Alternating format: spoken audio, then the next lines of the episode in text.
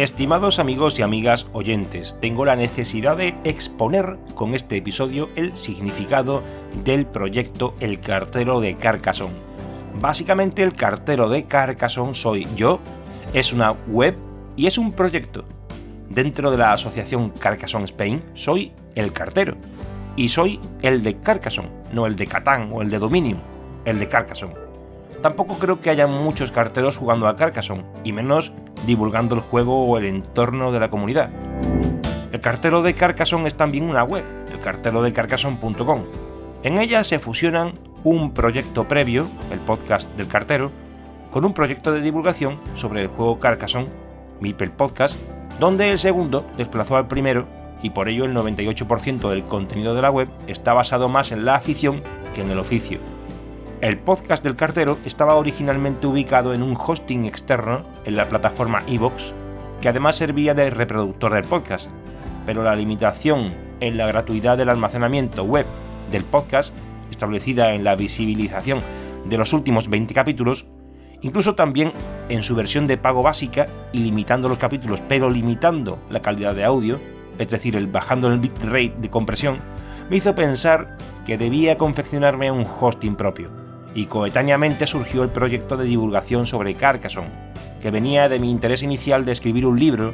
de estrategia y táctica, ya que no había nada en castellano, después de mucho buscar y encontrar tan solo el de Steve D y Dan Char.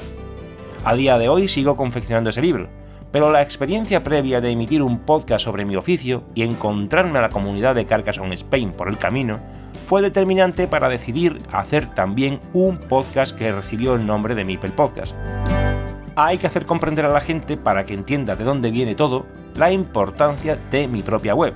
Cuando hablo de la web matriz del podcast, me refiero a que el podcast está anclado en el hosting de este sitio web. Obviamente lo que la audiencia percibe es que en la web hay un directorio donde puede reproducir cada capítulo, pero también lo pueden reproducir en Spotify, en Apple Podcast, Google Podcast, Evox, Podimo, Deezer y Amazon Music. Pero la realidad es que de todos los anteriores, todos, excepto Evox, son meros podcatchers, es decir, son reproductores del podcast, no alojamientos. Y lo que se le facilita a cada uno de estos sitios es el feed RSS del podcast, es decir, el anclaje sonoro que no es otra cosa que la ubicación del podcast, que es un protocolo como pueda serlo el de la transferencia de datos por Internet o el de las páginas web, desde donde estos reproductores toman el archivo de audio para reproducirlo en sus plataformas. Evox es ambas cosas, hosting y reproductor, pero en el primer caso de mi podcast, sobre mi profesión, actuaba con ambos roles, como almacenamiento y como reproductor. Actualmente, para ambos podcasts, Evox solo actúa como reproductor, porque como ya he comentado, el almacenamiento, el anclaje, el feed del podcast está en el sitio web del cartero de carcassonne.com. ¿Qué quiere decir todo esto? Que si desaparece la web del cartero de Carcassonne o elimino el podcast de allí, desaparece de todos los reproductores, puesto que estas plataformas actúan de espejo del sitio web original. Lo que dicho de otro modo, cuando estáis escuchando el podcast en la web matriz, lo estáis haciendo desde su ubicación real. Esto permite una mejor gestión desde un único lugar y admite la distribución de estos contenidos sin tener que replicarlos en cada plataforma, que no están pensadas para ello el único lugar donde se había realizado la ingente tarea de volcar uno a uno todos los episodios del podcast desde su creación había sido Mumbler, la ubicación del afamado Mipel Podcast Plus, ante la consideración de darle un empujón al podcast en cuanto a calidad con música y algunos contenidos extras. Pero este nuevo espacio estaba limitado a un servicio premium y no cabía posibilidad de exhibir en abierto los episodios, salvo una parte y lo que hice fue usar el recurso de los trailers de los episodios para dar a conocer la parrilla de programación del podcast de forma pública. Pero bueno, Mumbler ha sido una incursión más desgraciada que otra cosa, pero me ha servido para aprender. El otro lugar donde el podcast está replicado al completo y está en abierto y es gratis es Patreon, que me supone multiplicar por dos el trabajo de publicación, pero me sirve de recurso de copia, por si sucede algo con el sitio web original, y donde también tengo la posibilidad de brindar episodios exclusivos y ventajas a aquellas personas que quieran colaborar con el proceso creativo para sufragar parte de los gastos del canal, que no se trata de monetizar, sino de compensar los gastos, que no el esfuerzo. Pero de esto ya hablaré en otro episodio donde se expondrán los tipos de suscripción y argumentaré el porqué de todo esto. Lo que quiero subrayar ahora es que además de ser una persona y una web, el cartero de Carcassonne es también un proyecto. Es la web con el mismo nombre, es el directorio de recursos que se exponen en la propia web, el libro que aún no he acabado, es el propio podcast, Mipel Podcast, es un blog sobre Carcassonne, del que ahora hablaré, denominado Carcassonne Connection, es la newsletter o boletín de noticias Mipel Letter, es también MipelTube, pero debo extender que, excepto este último, MipelTube, todos los demás radican en el sitio web elcarterodecarcassonne.com. Cuando hablo de directorio de recursos, ¿a qué me refiero?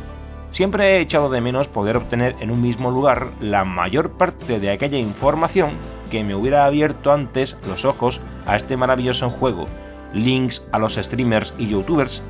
libros, expansiones, tiendas online, comunidades sobre el juego, tapiz de análisis, plataformas de juego, etc. Poco a poco se va confeccionando en el cartelo de carcason.com este directorio, con vuestra ayuda y con la propia búsqueda de vuestro interlocutor, el que ahora os habla.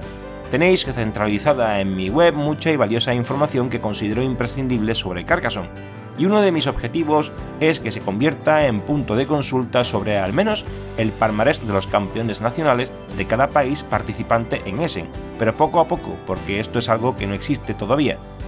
Hablamos de blogs, el blog Carcassonne Pieza de Inicio de Alex, que fue el primero en España sobre nuestro querido juego de las 72 rosetas, o el que coexistió y le sobrevivió de la plaza de Carcassonne de César tenían una estructura distinta del blog que ahora pongo a vuestra disposición en la web elcarterodecarcassonne.com. Su denominación Carcassonne Connection, que viene a conectar, como su propio nombre indica, y completar todo el trabajo del podcast. ¿En qué sentido?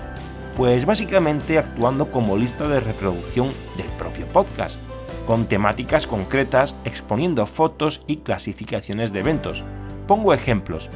El Nacional de Debir de 2022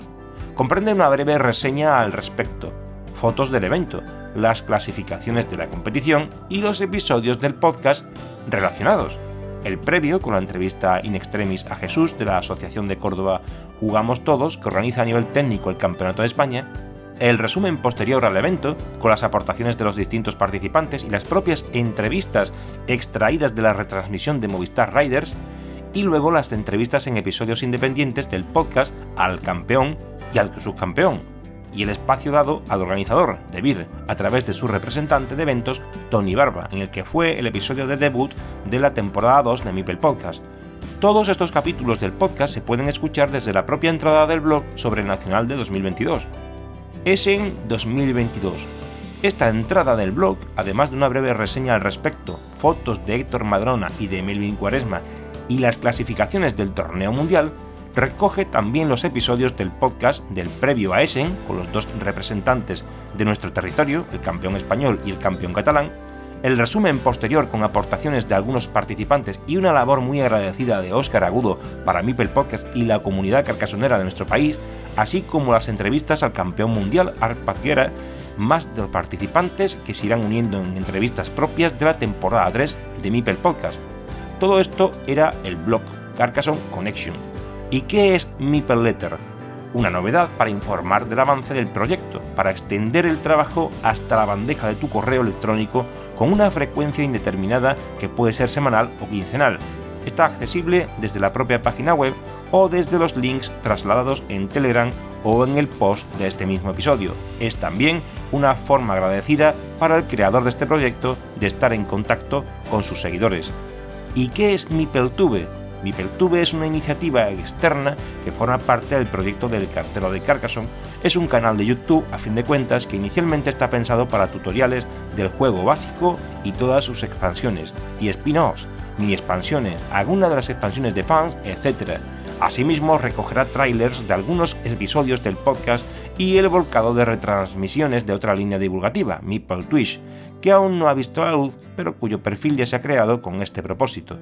En definitiva, el proyecto del cartero de Carcassonne no es solo un podcast, un blog, un canal de YouTube, un canal de Twitch, una newsletter, un sitio web. Es un idilio de amor con el juego de Klaus Jurenbrede y también con su comunidad nacional e internacional. El cartero de Carcassonne también eres tú.